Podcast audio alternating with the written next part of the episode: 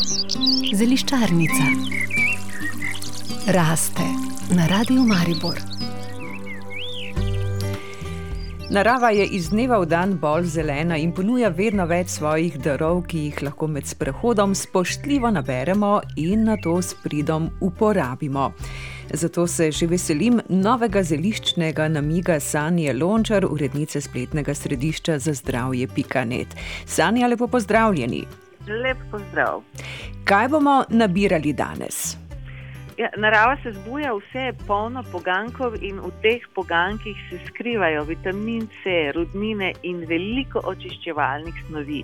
Torej, mnogi čakajo, kdaj bojo že pohrustali prve rdeče jagode. Ne zavedamo se pa, da so listi jagod čudovito krepčilo. In ne le listi jagod, imamo recimo zdaj že poganke listov malin, robit, črnih ribezov. Vse to je velika zakladnica vitamina C in dragocenih rudnin. Torej, priporočam, da pogledate, kaj že poganja, ne čakati, da se listi čisto odprejo, ker največ vitamina C je ravno v listih, ki še niso dosegli polno velikost in poberemo vse, kar lahko, odstranimo te daljše peclje, torej samo lističe. In pustimo, da to mečkam oveni, potem pa imamo dve možnosti. Ena možnost je, da to posušimo, klasično kot čaje. Naj vas ne odbije, da mogoče vonj ne bo tako apetitlih, ko se bojo ti čaji eh, prikuhali, se to bo zgubilo. Druga možnost je pa, da iz vseh teh listov naredimo domači, tako imenovani fermentirani črni čaj.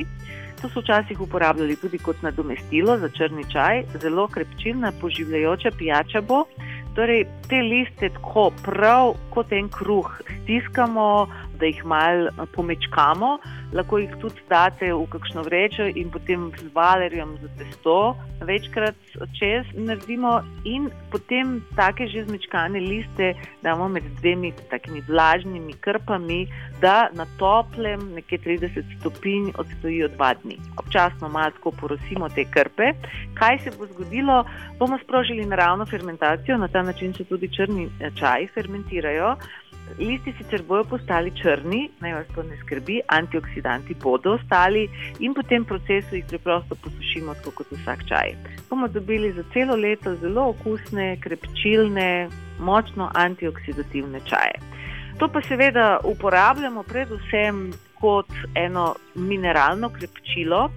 Je tle dosti čreslovin, zaradi tega tudi super, ko hočemo ustaviti neke pretirane procese v telesu. Torej, če imamo gnoj v grlu, če so kakšne krvavitve, če so driske, če se nam sprožijo hemoroidi, takrat eh, so idealni ti astringentni čaji. Istočasno pa topijo sečnino, zato so dobri tudi kot pomoč pri revmi, putiki ali ko preprosto treba splakniti presežne kisle presnovke iz telesa. In kako pripravimo tak čaj? Ja, ena mehna posebnost velja za ta čaj in sicer najboljše je, da damo liste v mrzlo vodo in pokrito, ja, vedno dam stekleni krožniček čez, da vidim, kaj se mi dogaja v lončku in takoj, ko zavre, odstavimo in predsedimo. In potem to lahko pijemo ja, po požirkih čez dan ali kako? Po požirkih čez dan ali zmešamo kakšno pijačo, ki ima okus. Torej, mi temu dodamo ali mečken kompota, ali mečken jabočnika, ali mečken eh, mešanice medu in kisa, ker sam ta čaj nima nekega izrazitega okusa in lahko se mu prileže okus česar koli, kar imamo radi. No, potem, ko so pa listi že nekoliko starejši, pa imajo več čreslovin, ki so pa tudi koristne, zlasti, če imamo težave s prebavo. Ja, torej moramo res ločiti. Tiste res mlade, ki jih poberemo, so nežni, so kisli, zaradi tega tudi za čaj so tako osvežilni. Če pa dlje časa čakamo, potem pa postajajo bolj grenko, trpki, astringentni. Torej, tako uporabimo potem res za trisko ustaviti ali za kakšno drugo stvar ustaviti. Sanja Lončar, urednica spletnega središča za zdravje Pikanet, hvala za tokrat in vse dobro do prihodnjič. Ja, srečno vsem.